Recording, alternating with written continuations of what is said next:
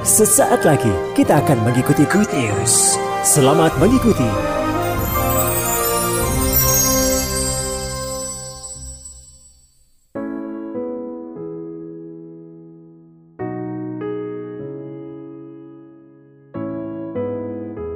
Shalom. Shalom. Haleluya. Khotbah pada hari ini saya beri judul panggilan Injil. Ya, panggilan Injil. Apa itu Injil? Berita sukacita ya yang membebaskan kita. Ayo kita baca ayat firman Tuhannya di dalam Markus pasal yang pertama. Markus pasal yang pertama ayat yang ke-14 saya uh, terus mengingatkan jemaat dan rindu untuk setiap kita dapat membaca firman Tuhan ini dengan suara yang lantang. Yang setuju katakan amin, saudara ya. Satu, dua, tiga. Sesudah Yohanes, datanglah Yesus ke Galilea memberitakan Injil Allah. Katanya, waktunya telah genap. Kerajaan Allah sudah dekat. Bertobatlah dan percayalah kepada Injil. 16. Ketika Yesus sedang berjalan menyusur danau Galilea, ia melihat Simon dan Andreas, saudara Simon. Mereka sedang menebarkan jala di danau, sebab mereka penjala ikan. Yesus berkata kepada mereka, "Mari, ikutlah aku, dan kamu akan kujadikan penjala manusia." 19 Dan setelah Yesus meneruskan perjalanannya sedikit lagi dilihatnya Yakobus dan anak Sebedius dan Yohanes saudaranya sedang membereskan jala di dalam perahu. Yesus segera memanggil mereka dan mereka meninggalkan ayahnya Sebedius di dalam perahu bersama orang-orang upahannya lalu mengikuti dia. Yang percaya katakan amin. Bapak Ibu Saudara yang dikasih Tuhan, Markus ini yang menuliskan Injil ini berdasarkan pendengarannya atau ceritanya yang disampaikan oleh Petrus. Jadi Markus ini muridnya Petrus, saudara, murid Tuhan Yesus, ya. Jadi apa yang didengarnya dari Petrus, Bapak Ibu Saudara, dituliskan dengan detail dan teliti oleh seorang Markus dan akhirnya diakui sebagai salah satu Injil ya setelah kanon, kanonisasi gereja Tuhan. Nah Bapak Ibu Saudara yang dikasih Tuhan. Oleh karena itu kenapa menariknya di pasal Markus pasal yang pertama. Ini langsung membicarakan tentang Yohanes Pembaptis. Ya, jadi pembaptisan uh, Yesus Kristus oleh Yohanes Pembaptis lalu langsung dimulai ya pencobaan di padang gurun lalu tampilnya Yesus di Galilea. Ya, berbeda dengan Injil yang lain ya dimulai dengan kelahiran Tuhan Yesus dan seterusnya. Nah, ini menjadi sangat menarik. Nah, Bapak Ibu Saudara, dan Markus menuliskan betul ya apa yang didengarnya ya dari uh, kesaksian atau pengajaran Petrus. Ya, Bapak Ibu Saudara dan menuliskannya di uh, apa namanya dalam sebuah kisah dan akhirnya menjadi Injil yang kita baca hari ini ya. Menarik Bapak Ibu Saudara. Dan kalau Saudara benar-benar merenungkan Ya, kalau tadi saya memuji Tuhan, menyembah Tuhan, sudah bisa bayangkan Bapak Ibu Saudara, ya abad-abad itu mereka belajar, mereka belum punya Alkitab. Mereka belum punya Alkitab yang yang ada seperti saudara dan saya punya hari ini. Mereka cuma mendengar dari para rasul. Ya, dan yang menarik adalah rasul-rasul ini adalah saksi mata pertama daripada kejadian Yesus ada di muka bumi ini. Saudara yang dikasih Tuhan. Jadi Petrus itu menyaksikan sendiri, menceritakan kembali. Saudara, luar biasa. Tadi saya waktu waktu memuji Tuhan, menyembah Tuhan, membayangkan kembali bagaimana kisah ya 12 orang murid Tuhan Yesus ketika itu. Bapak Ibu Saudara bersama dengan seluruh ceritanya, seluruh narasinya Bahkan ketika itu mereka sempat dikejar ya Bapak Ibu Saudara. Bahkan di penghujung ketika Yesus mau disalibkan mereka ada dalam sebuah ketakutan. Saudara bahkan ketika Yesus mati di atas kayu salib dan bahkan setelah itu. Saudara ada begitu banyak peristiwa. Kalau saudara merenungkan baik-baik. Kita perlu bersyukur yang percaya katakan amin. Kalau hari ini Bapak Ibu Saudara. Saudara bisa punya seluruh cerita. Seluruh narasi. Seluruh apa yang terjadi Bapak Ibu Saudara di telapak tangan saudara. Kita tidak perlu lagi Bapak Ibu Saudara mencari sumber-sumber yang berbeda. Ya, berbagai macam sumber. Tapi kita bisa melihatnya dan membacanya di dalam satu Alkitab yang saudara dan saya miliki. Oleh karena itu Bapak Ibu Saudara, pelajaran apa yang kita bisa tangkap di sini? Mari kita masuk ke beberapa poin yang saya akan sampaikan kepada saudara. Nah, Bapak Ibu Saudara, saudara menarik ya di sana ketika Yesus tampil ya pertama dikatakan demikian. Di situ dikatakan eh, Yohanes ditangkap, datanglah Yesus ke Galilea memberitakan Injil Allah. Saudara, apa yang dibawa Yesus pasti penting. Betul nggak Bapak Ibu Saudara? Untuk itulah dia ada. Untuk itulah dia ada di muka bumi. Dia berjalan Bapak Ibu Saudara di atas muka bumi ini. Ya, Saudara, oleh karena itu hari ini Bapak Ibu Saudara, apa yang kita mau per, mau pelajari? Saudara, dia berkata begini, bertobatlah dan percayalah kepada Injil. Itu yang disampaikan kepada orang-orang Yahudi ketika itu, ya bahkan orang-orang yang mendengar pengajaran daripada Yesus. Apa artinya? Saudara, yang dikasih Tuhan poin yang pertama yang saya saya tuliskan di situ adalah begini. Berbalik dari melakukan aturan agamawi untuk menerima keselamatan kepada Kristus Yesus yang telah datang untuk memulihkan relasi kita dengan Allah. Saudara, sebelum Yesus, ya mereka melakukan semua hukum Taurat dan berusaha untuk melakukannya. Bapak, Bapak Ibu Saudara, berpikir dan berharap ketika mereka sanggup melakukan itu semua, mereka dapat menemukan jalan keselamatan itu. Tetapi Bapak Ibu Saudara mereka menyadari bahwa itu sesuatu yang hampir mustahil. Upaya manusia gagal Bapak Ibu Saudara. Tetapi ketika Kristus datang. Saudara ada sesuatu yang berubah. Yang percaya katakan amin. Makanya dikatakan berbalik. Sama-sama yuk katakan berbalik. Saudara kata bertobat Bapak Ibu Saudara. Saudara Saudara masih ingat ya dulu pertama kali bertobat Bapak Ibu Saudara ya. Tapi saya percaya Bapak Ibu Saudara kehidupan pertobatan itu harus terjadi terus menerus yang percaya katakan amin. Tidak perlu, tidak cukup cuman pertama kali Pak. Saya dulu pertama kali bertobat itu tahun 80 sekian. Wah saudara. Loh Pak sekarang nggak pernah bertobat lagi. Lah kan dulu sudah. Saudara, kehidupan seorang Kristen itu adalah sebuah perjalanan. Amin Bapak Ibu Saudara. Dan kehidupan pertobatan itu harus terus terjadi di dalam kehidupan kita. Karena apa? Karena sempurna belum berubah pasti prosesnya terus menerus. Nah Tuhan Yesus ngomong begini, berbaliklah, bertobatlah. Engkau tidak bisa lagi mengandalkan kekuatanmu sendiri. Tapi syukur kepada Allah. Tuhan ngomong begini, percayalah kepada Injil. Nah masalahnya Injil itu apa sih Pak? Injil itu itu sendiri artinya kabar baik, kabar sukacita. Tentang apa, saudara? Kabar sukacita, kabar baik bahwa perhatikan ini Bapak Ibu Saudara, ya manusia jatuh di dalam dosa dan kehilangan kemuliaan Allah upaya manusia gagal untuk mencapai surga, tetapi surga datang untuk mencari kita yang terhilang dan berdosa. Mari yang percaya katakan amin. Beri tepuk tangan yang meriah bagi Tuhan kita. Di dalam Kristus Yesus Tuhan. Itulah Injil. Injil itu good news. Good news itu apa? Kabar baik. Tentang apa? Keselamatan yang datang daripada Tuhan. Yang percaya katakan amin. Oleh karena itu saya membuat sebuah perbandingan. Bedanya agama sama kekristenan. Kalau saudara ditanya, saudara, kenapa sih kamu ikut Yesus? Ngapain kamu melok-melok Yesus? Ngapain percaya sama Yesus sebagai Tuhan dan Juru Selamat? Saudara, ini menjadi dasar ya yang penting bagi setiap kita orang yang percaya.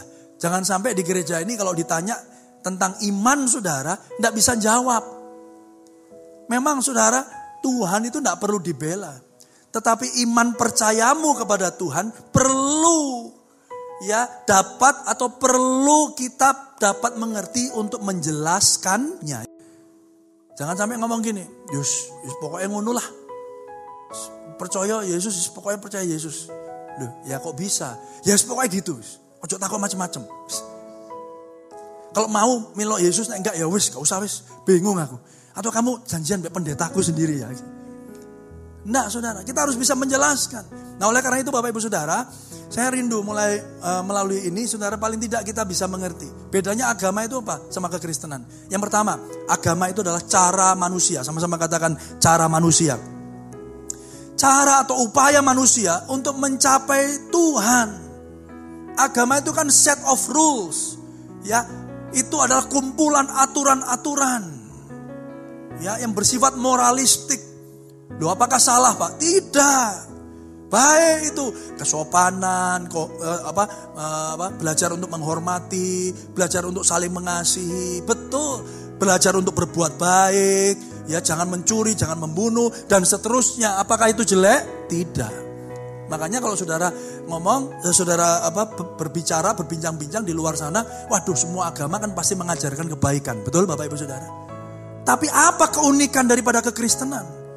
Saudara yang dikasih Tuhan adalah agama itu cara manusia untuk mencapai Tuhan. Tetapi kekristenan, di dalam kekristenan kita percaya bahwa cara Allah untuk menggapai manusia. Kekristenan adalah cara atau upaya sorga. Karena surga tahu manusia jatuh di dalam dosa dan kehilangan kemuliaan Allah. Ya, dan upah dosa itu adalah maut. Roma 3:23 dan Roma 6:23. Tidak ada pengharapan buat kita. Tidak ada satu perbuatan baik pun yang bisa menyelamatkan saudara, tidak ada. Itu harus kita kita kita harus kita percayai dulu. Tidak ada. Oleh karena itu, Bapak Ibu Saudara, Kristus harus sampai dinyatakan di atas muka bumi ini, bahkan mati di atas kayu salib.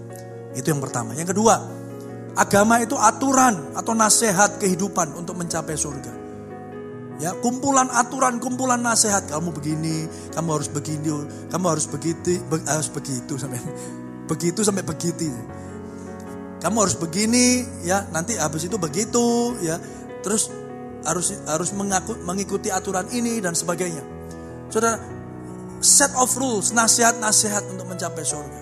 Tetapi kekristenan adalah sebuah kebenaran yaitu bahwa Yesus mati dan bangkit pada hari yang ketiga supaya melalui kematian dan kebangkitannya saudara yang berdosa, saudara yang ditolak oleh Allah karena dosa dan pemberontakan kita, hari ini kita boleh diterima oleh Allah Bapa yang ada di sorga. Ayo beri tepuk tangan yang meriah bagi Tuhan kita. Ini dasar. Jangan sampai yang dasar ini saudara lolos. Halo? Amin Bapak Ibu Saudara. Ini dasar. Ini doktrin keselamatan. Jangan sampai kita tidak ngerti Bapak Ibu Saudara. Nggak, jangan sampai kita tidak bisa menjelaskan. Nah pada waktu itu gempar semua. Waktu Yesus tampil di Galilea. Loh siapa dia? Ngajar dan ngomong bertobatlah kerajaan Allah sudah dekat. Percayalah kepada Injil. Loh siapa ini? Dan belakangan kalau saudara baca di dalam uh, Markus itu nanti Saudara, mereka lihat orang ini mengajar itu sama dengan uh, apa namanya di Matius pasal yang ketujuh, Bapak Ibu Saudara. Kalau di Matius pasal yang ketujuh dijelaskan bagaimana mulai pasal yang kelima, pasal yang keenam, pasal yang ketujuh itu Yesus mengajar di atas bukit. Dan waktu selesai ngajar orang itu mereka terpanah, terperangah, terkejut. Siapakah orang ini? Karena orang ini mengajar dengan penuh kuasa. Tidak seperti orang-orang ahli Farisi. Jadi waktu itu orang bingung, hah Injil siapa itu? Saudara, belakangan kita tahu bahwa itu merujuk kepada dirinya sendiri. Ingat Bapak Ibu Saudara, agama berusaha untuk mencapai surga dan kita gagal. Tetapi dalam kekristenan syukur kepada Allah, Yesus Kristus sebagai anak tunggal Allah Bapa menyatakan dirinya, mengosongkan dirinya, bahkan mati di atas kayu salib, bangkit pada hari yang ketiga, dan akhirnya naik duduk di sebelah kanan Allah Bapa, supaya barang siapa yang percaya tidak binasa, melainkan beroleh hidup yang kekal. Inilah keunikan iman kekristenan. Saudara yang dikasih Tuhan. Yang ketiga, kalau agama itu adalah kumpulan aturan-aturan, Bapak Ibu Saudara, yang harus saudara kerjakan, saudara itu pasti membebani kita. Betul nggak Bapak Ibu Saudara? Membebani. Saudara yang dikasih Tuhan, kalau misalnya ini ya ada 10 perintah ini. Kalau enggak 10, 10-nya kamu kerjakan, kamu enggak selamat. Apa yang terjadi saudara? Saudara berusaha untuk melakukannya, betul? Betul ya Bapak Ibu Saudara? Satu bisa, dua bisa, tiga bisa. Aduh empat gagal. Empat gagal, satu, dua, tiga bisa. Enggak dihitung, balik lagi semuanya harus. Semua sampai sembilan bisa, sepuluh gagal, dianggap gagal semua. Balik semua, harus sempurna. Makanya jadi beban saudara. Maka Kristus ngomong begini. Ya, datanglah kepadaku hai engkau yang letih lesu berbeban berat. Itu kurang lebih perikopnya sama. Maka aku akan memberikan kelegaan kepadamu. Saudara, ada begitu banyak orang Yahudi, bahkan ketika itu orang Israel, bahkan minder, ya bahkan melihat orang Farisi melihat melihat orang-orang ahli Taurat aduh mereka sepertinya suci sepertinya kudus sepertinya mampu melakukan semuanya lalu mereka berpikir aduh aku nggak bisa seperti mereka yang terjadi yang kedua apa Bapak Ibu Saudara selain beban membanding bandingkan padahal kita tahu kita tidak suka dibanding bandingkan seperti nyanyiannya Farel saudara ya saudara banding bandingin Aku isok limo, kamu bisa berapa? Wah, cuman bisa satu. Walah kamu itu. Ayo, makanya aku bisa, kamu bisa. Ayo, sudah jadi beban. Banyak orang Kristen akhirnya undur. Kenapa? Bapak Ibu Saudara. Karena ketika dia di gereja, dia merasa dihakimi setiap minggu, Saudara. Oleh teman-teman gerejanya. Saudara, tapi Yesus mau. Kekristenan itu bukan beban. Yang setuju katakan amin. Kekristenan itu kabar sukacita. Yang setuju katakan amin, saudara. Jadi kalau hari ini datang saudara, saudara letih lesu, lemes, ya manyun, ya, saudara itu bukan orang Kristen, saudara.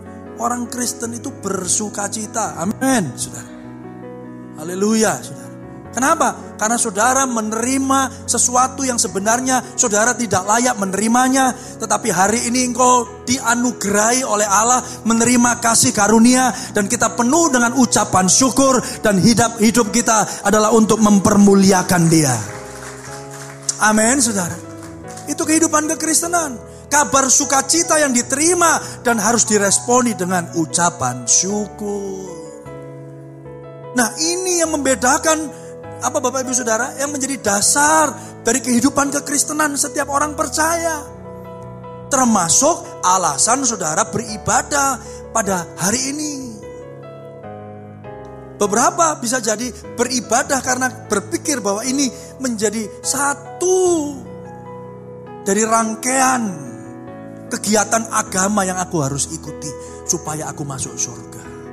Tetapi beberapa daripada kita, kita beribadah, kita datang, bahkan kita melayani. Bukan sebagai syarat untuk masuk surga, tetapi karena kita telah sudah diselamatkan dan beroleh surga itu. Ayo beri tepuk tangan yang meriah bagi Tuhan kita. Dua hal yang beda. Agak sedikit pengajaran saudara, dua hal yang beda. Ada orang datang, ya, melakukan semua ritual agamawinya, karena takut. Kamu kenapa sih kok rajin ke gereja? Saya perhatikan gereja ada dua kali ibadah, bahkan kamu tiga kali ke gereja. Wih, ibadahnya dua kali, ya eh, dia datangnya tiga kali, saudara. Oh iya, kamu ya harus rajin. Nanti kalau nggak rajin, waduh, kita nanti ditinggal gimana? Kalau Tuhan datang, kita nggak pas di gereja, waduh, amsyong wah kita masuk neraka. Jadi akhirnya rajin bahkan melayani karena mau masuk sur, surga. Tetapi Bapak Ibu Saudara, kekristenan adalah kabar sukacita. Saudara dan saya oleh kasih karunia Allah melalui Yesus Kristus Tuhan sudah diselamatkan. Bukan oleh perbuatanmu Bapak Ibu Saudara, tetapi oleh kasih Allah. Dan itulah yang mendorong saudara untuk datang ke tempat ini. Jadi saudara beribadah bukan karena takut ketinggalan, tidak masuk surga. Tetapi saudara beribadah karena saudara mengucap syukur dan bersuka cita. Saudara menjadi bagian dari warga kerajaan Allah. Ayo beri tepuk tangan yang meriah bagi Tuhan kita. Loh kalau orang sudah tahu dia menerima anugerah tapi jadi males. Dia menyalahgunakan kasih karunia. Amin saudara. Atau dia belum sungguh-sungguh menerima Yesus sebagai Tuhan dan Juru Selamat. Oleh karena itu Bapak Ibu Saudara, tiga hal ini menjadi penting. Ya, kekristenan itu adalah cara atau upaya Allah menggapai manusia dan Yesus mati di atas kayu salib bangkit Bapak Ibu Saudara supaya setiap kita diterimanya ya menjadi anak-anak Allah. Oleh karena itu Bapak Ibu Saudara, saya katakan di sana, Injil adalah kabar sukacita bahwa relasi kita dengan Allah tidak ditentukan oleh prestasi kita, namun oleh pengorbanan Kristus. Amin. Ya, Efesus 2 ayat yang ke-8 dikatakan begini, sebab karena kasih karunia kamu diselamatkan oleh iman, itu bukan hasil usahamu, tetapi pemberian Allah itu bukan hasil pekerjaanmu. Jangan ada orang yang apa? Memegahkan diri. Amin, Bapak Ibu Saudara. Ya. Jadi kita ini beranugerah. Kalau ini caranya Bapak Ibu Saudara, Saudara juga melayani dengan motivasi yang benar. Kalau dengan demikian Saudara, gereja mengalami pertumbuhan karena setiap jemaatnya mengerti bahwa semuanya itu diawali dari motivasi hati. Saudara yang dikasih Tuhan. Oleh karena itu, Bapak Ibu Saudara, berikutnya kita tahu setelah Tuhan Yesus ngomong bertobatlah, percayalah kepada Injil, apa yang terjadi? Dia memanggil murid-muridnya. Dia memanggil murid-muridnya untuk kembali dan dapat berelasi. Saya belajar bahwa ternyata ketika itu tradisi Yahudi adalah tidak umum seorang rabi itu cari murid. Yang ada adalah murid cari rabi, cari guru. Jadi ada orang deketin gurunya, guru, rabi. Ya kayak mungkin kayak film-film kungfu gitu ya. Teach me, teach me master gitu ya. Teach me, ajar aku, aku jadi muridmu. Oh ya udah, ayo ikut aku, ikut aku. No. Saudara tahu, Tuhan Yesus dalam peristiwa Markus ini dicatat memanggil murid-muridnya. Yang percaya katakan amin digenapilah firman Tuhan yang berkata, bukan kamu yang memilih aku, tetapi aku yang memilih kamu. Yang percaya katakan amin. Jadi saya mau, mau mengatakan melalui kebenaran firman Tuhan ini. Jadi kalau hari ini Bapak Ibu Saudara yang dikasih Tuhan, Saudara ada di tempat ini. Saudara percaya Yesus. Iman percaya saudara kepada Kristus Yesus Tuhan. Saudara adalah bagian daripada orang-orang yang sudah dipilih Allah. Amin. Bersyukur Saudara bisa ada di tempat lain loh. Saudara bisa dilahirkan sama keluarga yang bahkan tidak pernah kenal, tidak pernah dengar Injil. Tapi kenyataan bahwa hari ini saudara dan saya ada di tempat ini. Menerima Injil, menerima kabar baik itu. Dan lutut kita bertelut, lidah kita mengaku Yesus Kristus Tuhan. Saudara menerima anugerah. Ayo beri tepuk tangan yang meriah bagi Tuhan kita. Hanya ketika engkau bisa memahami ini, saudara, Bapak ibu saudara yang dikasih Tuhan, engkau akan menghargai anugerah Allah. Engkau tidak menyia-nyiakan kasih setianya. Yesus memanggil kita untuk kembali berelasi dengan dia. Saudara, bahkan kalau saudara pikir ya Bapak Ibu Saudara, Tuhan itu Allah pencipta langit dan bumi. Bumi ini adalah pijakan kakinya. Ya, langit itu tahtanya Bapak Ibu Saudara. Saudara yang dikasih Tuhan, Tuhan yang begitu besar rela mengosongkan dirinya mengambil rupa sebagai seorang hamba, taat sampai mati. Dia bisa ngomong, Bapak Ibu Saudara, bisa ngomong sama Petrus, seorang nelayan, sama Yohanes. Dia dikhianatin oleh Yudas.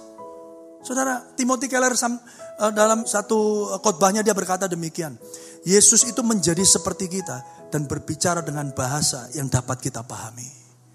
Saudara yang dikasih Tuhan, bukankah itu menunjukkan kasihnya, cintanya bagi setiap kita. Kalau saudara belum sampai pada tahap ini mengerti bahwa Yesus yang besar mengasihi saudara. Jangan-jangan kita belum menerima dia sebagai Tuhan dan Juru Selamat. Kalau kita baca di ayat yang 16, dikatakan demikian saudara. Ya, dari awal ya, 16. Ketika Yesus sedang berjalan menyusur danau Galilea, ia melihat Simon dan Andreas, saudara Simon, mereka sedang mendebarkan jala di danau sebab mereka penjala ikan. Perhatikan ya, mereka apa? Penjala, penjala ikan. Yesus berkata kepada mereka, "Mari apa? Ikutlah aku dan kamu akan apa?" Kok dia nggak ngomong, "Mari akan kujadikan engkau tukang kayu." Gitu nggak ya? Enggak, Saudara. Dia dikatakan penjala manu manusia. Dengan secara spesifik dia menggunakan kata penjala manusia karena itu sangat relate, sangat terhubung dengan apa? Dengan profesi mereka. Mengerti maksud saya Bapak Ibu Tuhan memakai bahasa manusia yang sederhana. Dia Tuhan. Dia bisa pakai segala bahasa. Dia bisa pakai bahasa yang yang tinggi yang tidak dimengerti oleh oleh siapa eh, murid-murid Tuhan Yesus, oleh Simon, oleh Andreas dan anak-anak Zebedius, tapi dia memilih kata-kata secara spesifik supaya apa? Supaya mereka mengerti. Dan dikatakan, "Ikutlah aku, maka kamu akan kujadikan penjala manusia." Kata "ikutlah aku" itu artinya begini Bapak Ibu Saudara. Jadikan aku yang utama. Biarkan aku mendominasi hidupmu. Saudara, kata murid di sana bukan cuma seseorang yang kadang-kadang datang ke gurunya, ya. Duduk ikut sesi satu dua jam tiga jam istirahat ya. Kayak sekolah sekarang nanti jam 12 jam satu pulang. Tidak seperti itu. Saudara hubungan guru dan murid yang dikatakan kepada Tuhan Yesus kepada murid-muridnya ikutlah aku itu adalah submission penundukan penuh kepada gurunya. Supaya hari ini mereka tidak lagi berpusat kepada hal-hal yang mereka kerjakan sebelumnya, tetapi berpusat dan memusatkan hidup mereka hanya bagi gurunya. Yang ngerti katakan amin, saudara. Ke mana pun Yesus pergi, murid-muridnya ada. Ke mana pun Yesus mengajar, mereka ada, mereka dengar. Waktu Yesus membuat mujizat, mereka melihat, mereka mengalaminya. Peristiwa ini mengingatkan kita bahwa Yesus rindu kita semua menjadikan dia yang utama.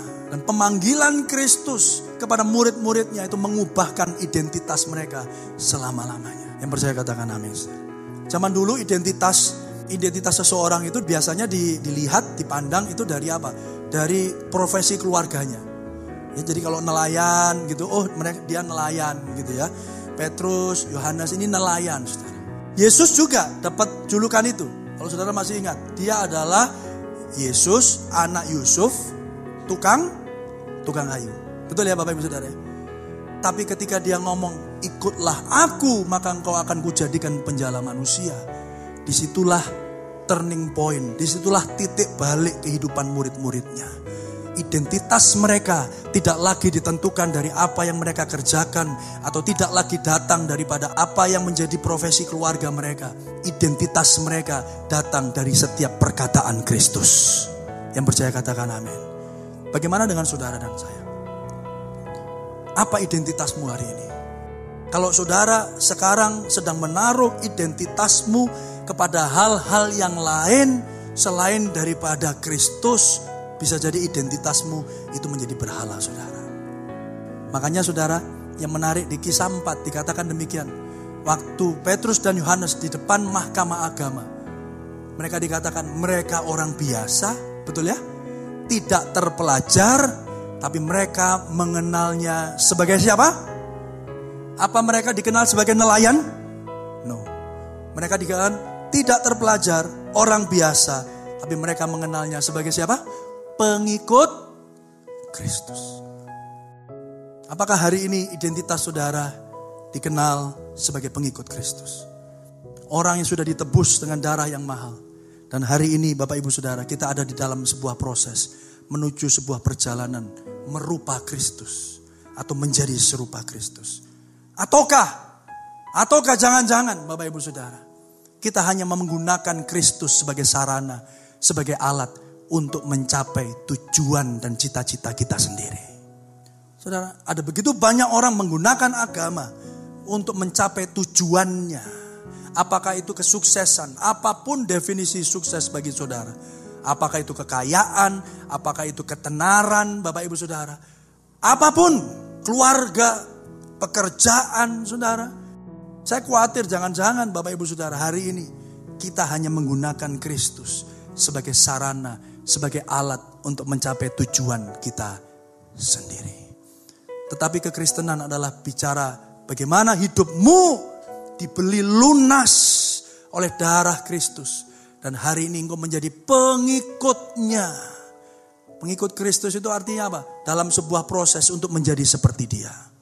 Oleh karena itu Bapak Ibu Saudara, Lukas 14 ayat 33 mengingatkan kita. Demikianlah firman Tuhan Bapak Ibu Saudara. Saya bacakan buat saudara. Di situ dikatakan demikian.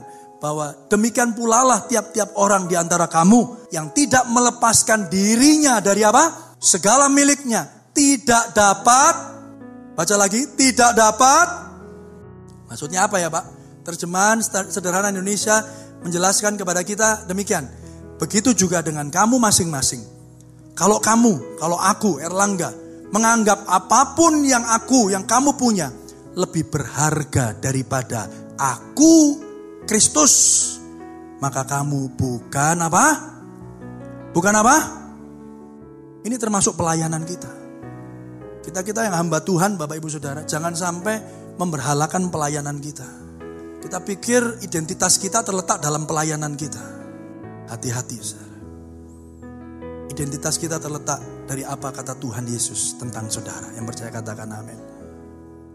Hari ini kalau saudara belum dikatakan sukses oleh dunia, percayalah Bapak Ibu Saudara.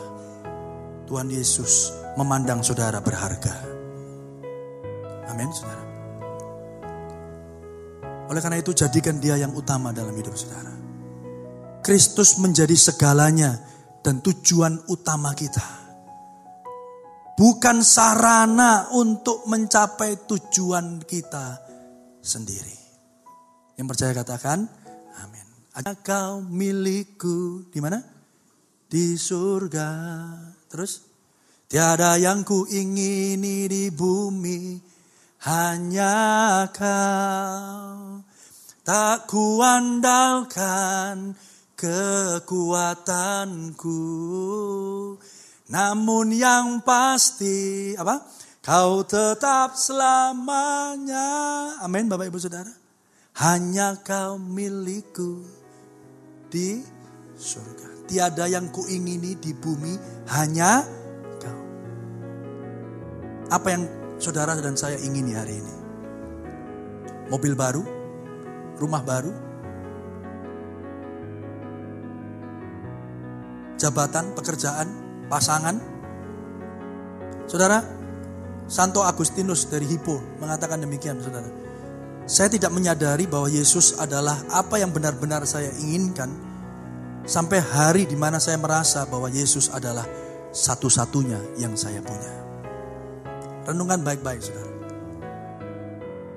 Saudara dan saya tidak akan pernah menyadari keberhargaan Kristus Sampai satu titik, saudara menyadari bahwa sesungguhnya Yesuslah satu-satunya yang saudara punya. Saudara bisa punya rumah, sak lusin saudara. Hari Senin di sini, Selasa di sini, keliling, punya mobil, punya motor, punya jabatan mentereng. Saudara, tapi kalau saudara belum sadar bahwa yang saudara yang benar-benar saudara inginkan adalah Kristus. Dan dia menjadi satu-satunya pribadi yang utama dalam hidup saudara. Maka saudara nggak pernah menghargai keberadaannya.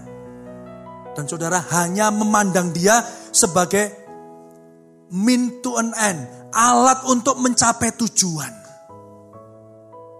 Aku tak ke gereja pak. Aku tak memberi persembahan. Supaya apa? Supaya bisnisku lancar. Pak, gak pelayanan. Oh, melok pelayanan, Pak. Kita ini hari ini harus pelayanan. Tuhan Yesus mau datang, maksud enggak pelayanan? Pelayanan. Dan keluargamu aman. Enggak ada sing kena covid. Semakin kita rajin, semakin perlindungan Tuhan itu nyata. Saudara yang dikasih Tuhan. Saudara percaya Tuhan dapat melindungi kita? Saudara percaya Tuhan dapat menyembuhkan kita? Tapi kalau perlindungan dan kesembuhan itu menjadi tujuan utama saudara dan bukan Kristus, maka itu akan menjadi berhala kita. Hati-hati saudara. Kita cuman kumpulan orang-orang yang memanfaatkan Yesus. Tidak ada bedanya dengan orang-orang yang ada di luar sana memakai agama sebagai alat untuk mencapai tujuan politik mereka. Bedanya ini untuk mencapai tujuan pribadimu sendiri. Ngeri saudara. Oleh karena itu Tuhan Tuhan Yesus ngomong gini, ikutlah aku. Jadikan aku yang utama nak. Ingini aku. Saudara, oleh karena itu Hari ini kita diingatkan juga bahwa kuasa dan mujizat Yesus adalah hanya sarana untuk memberitakan tentang dirinya. Yang percaya katakan amin, saudara. Bukan apakah Tuhan Yesus tidak bisa sembuhkan? Sembuhkan. Saudara kalau baca di Markus, dia sembuhkan mertua Petrus. Dia sembuhkan, ya, mengusir roh jahat. Dia sembuhkan, dia melakukan mujizat, saudara. Ya, di situ baca ya, mar, ma, apa namanya? Markus 122. Mereka takjub mendengar pengajarannya, ya. Sebab ia mengajar mereka dengan seperti orang yang berkuasa. Orang yang berkuasa itu kata kata aslinya itu with authority, dengan kuasa. Otoritas, berkuasa itu artinya juga gini. Seperti pengajar aslinya gitu. Ya, ini yang ngomong ini asli loh gitu loh ya. Bukan seperti ahli-ahli Taurat yang cuma tahu dari orang baca terus disampaikan. Enggak. Ini sepertinya dari sumber pertama, kurang lebih begitu. Tidak seperti ahli-ahli Taurat. Mereka semua takjub sehingga mereka memperbincangkannya. Katanya, perhatikan ini. Apa ini? Suatu ajaran baru? Ia berkata-kata dengan kuasa. Roh-roh jahat pun diperintahnya. Dan mereka taat kepadanya. Lalu tersebarlah dengan cepat kabar tentang apa? Tentang dia. Ke segala penjuru di seluruh Galilea. Jadi apakah boleh orang Kristen mengalami mujizat? Boleh. Ngalami kesembuhan? Boleh. Diberkati? Boleh. Tapi semuanya itu adalah sarana untuk apa saudara? Untuk memberitakan Kristus Yesus Tuhan. Mari beri tepuk tangan yang meriah bagi Tuhan kita. Bukan menjadikan mujizat ya itu sebagai tujuan utamanya. Hari ini saudara pergi ke gereja. Hari ini saudara setiap pagi bangun pagi, baca Alkitab, berdoa, saat teduh. Apa motivasi saudara? Apa kerinduan utama saudara? Apakah begini? Aku tak rajin ah baca Alkitab supaya gajiku naik. Aku dipromosikan. Yang muda-muda supaya aku dapat cepat dapat jodoh gitu. Atau apa saudara? Saudara, firman Tuhan ini bukan cuma tulisan yang saudara baca. Firman Tuhan ini adalah pribadi yang saudara perlu kenal. Yang percaya katakan amin. Firman Tuhan berkata begini, firman Tuhan itu pelita bagi kakiku, terang bagi jalan hidupku. Dia bukan hanya memberikan hikmat kepada saudara, kepandaian, kepintaran di, untuk saudara bisa melakukan bisnis, saudara di, di apa di sekolah saudara bisa bisa dapat nilai bagus. Bukan cuma itu. Dia pelita bagi kakimu, terang bagi jalanmu adalah kenapa? Karena firman itu adalah Kristus Yesus sendiri yang sedang berjalan bersama saudara. Yang percaya katakan amin. Dia pribadi dia rindu mengenal saudara. Dia rindu saudara mengenal dia seperti dirimu sendiri dikenal. Saudara yang dikasih Tuhan, ada relasi yang dibangun. Ketika dia berkata demikian saudara, ikutlah aku. Dia sedang mengajak pengikutnya keluar dari zona nyamannya. Semuanya anak-anak Sebedius meninggalkan ayahnya. Dia mereka mengikuti Yesus. Bukan berarti Yesus tidak pernah mengalaminya. Ketika dia ngomong begitu saudara. Saudara tahu, dia terlebih dahulu sudah meninggalkan bapaknya. Dia mengosongkan dirinya. Dia rela turun dari tahtanya. Saudara untuk bersama dengan saudara. Supaya setiap kita ketika kita menerima panggilan itu. Kita boleh berkata, yes Lord. Terima kasih. Aku mau menjadi muridmu. Yang percaya katakan amin. Jadi istilah pemuritan, istilah kemuritan, discipleship bukan cuma omong belaka, saudara. Bukan cuma tren gereja di akhir zaman. Saudara yang dikasih Tuhan, tapi sebuah kehidupan yang dituntun dengan membangun relasi dengan Sang Kristus sendiri. Oleh karena itu saya katakan, Yesus Kristus datang bukan memberi nasihat sebagai syarat untuk diselamatkan, namun dia membawa dirinya sendiri, membawa kabar sukacita bahwa segalanya sudah dia tanggung di atas kayu salib. Dan keselamatan diberikannya kepada saudara. Supaya apa? Agar kita mengikuti dia. Menjadikannya yang utama. Dan menjadi serupa dengan dia. Untuk bersekutu bersama-sama dengan dia selama-lamanya. Itulah yang harus menjadi kerinduan saudara, lebih daripada yang lain. Dan biarlah sebentar kita akan nyanyikan lagu ini. Hanya kau milikku di surga. Hanya kau yang kuingini Tuhan. Kalau hari ini Bapak Ibu Saudara yang kau ingini adalah hal-hal yang fana selain daripada Kristus. Saudara saya nggak mau, saya nggak mau, nggak bicara, nggak ngomong bahwa Wah saudara setelah ini nggak boleh beli baju, nggak boleh ingin beli itu, beli itu, beli ini, beli itu. Enggak. Tapi biarlah keinginanmu yang paling besar adalah untuk berelasi dengan dia dan menjadi serupa dengan Kristus Yesus Tuhan. Yang percaya katakan amin. Mari kita bangkit berdiri. Saudara, kita beri tepuk tangan yang meriah bagi Tuhan kita.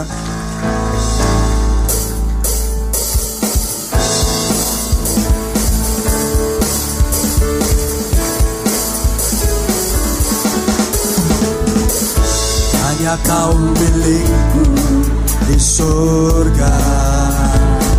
Tiada yang ku ingini, tiada yang ku ingini di bumi, hanya kau. Tak ku andalkan kekuatanku,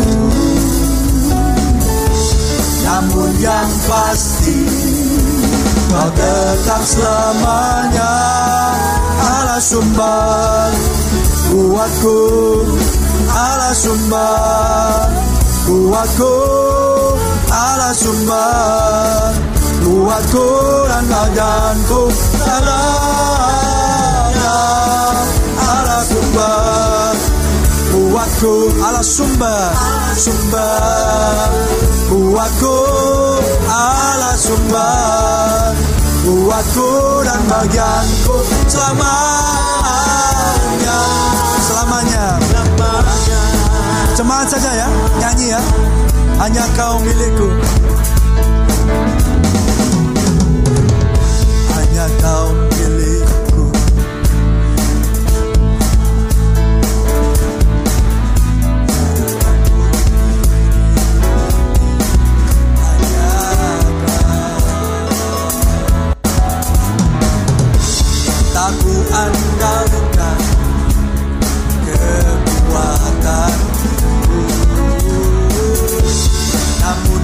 pasti kau tetap selamanya ala sumber. Amin. Oh ya ala sumber. Kuatku oh, ala sumber. Kuatku dan bagianku selamanya. Semuanya ala sumber. Come on. Kuatku.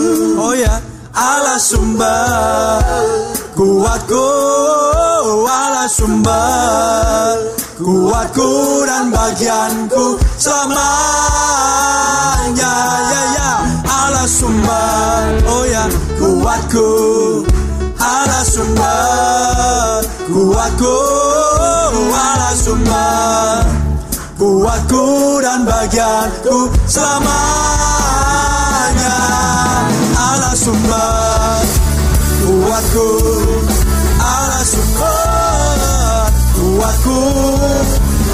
sumber kuatku dan bagianku selamanya.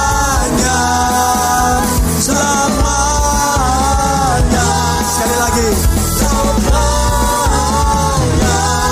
Oh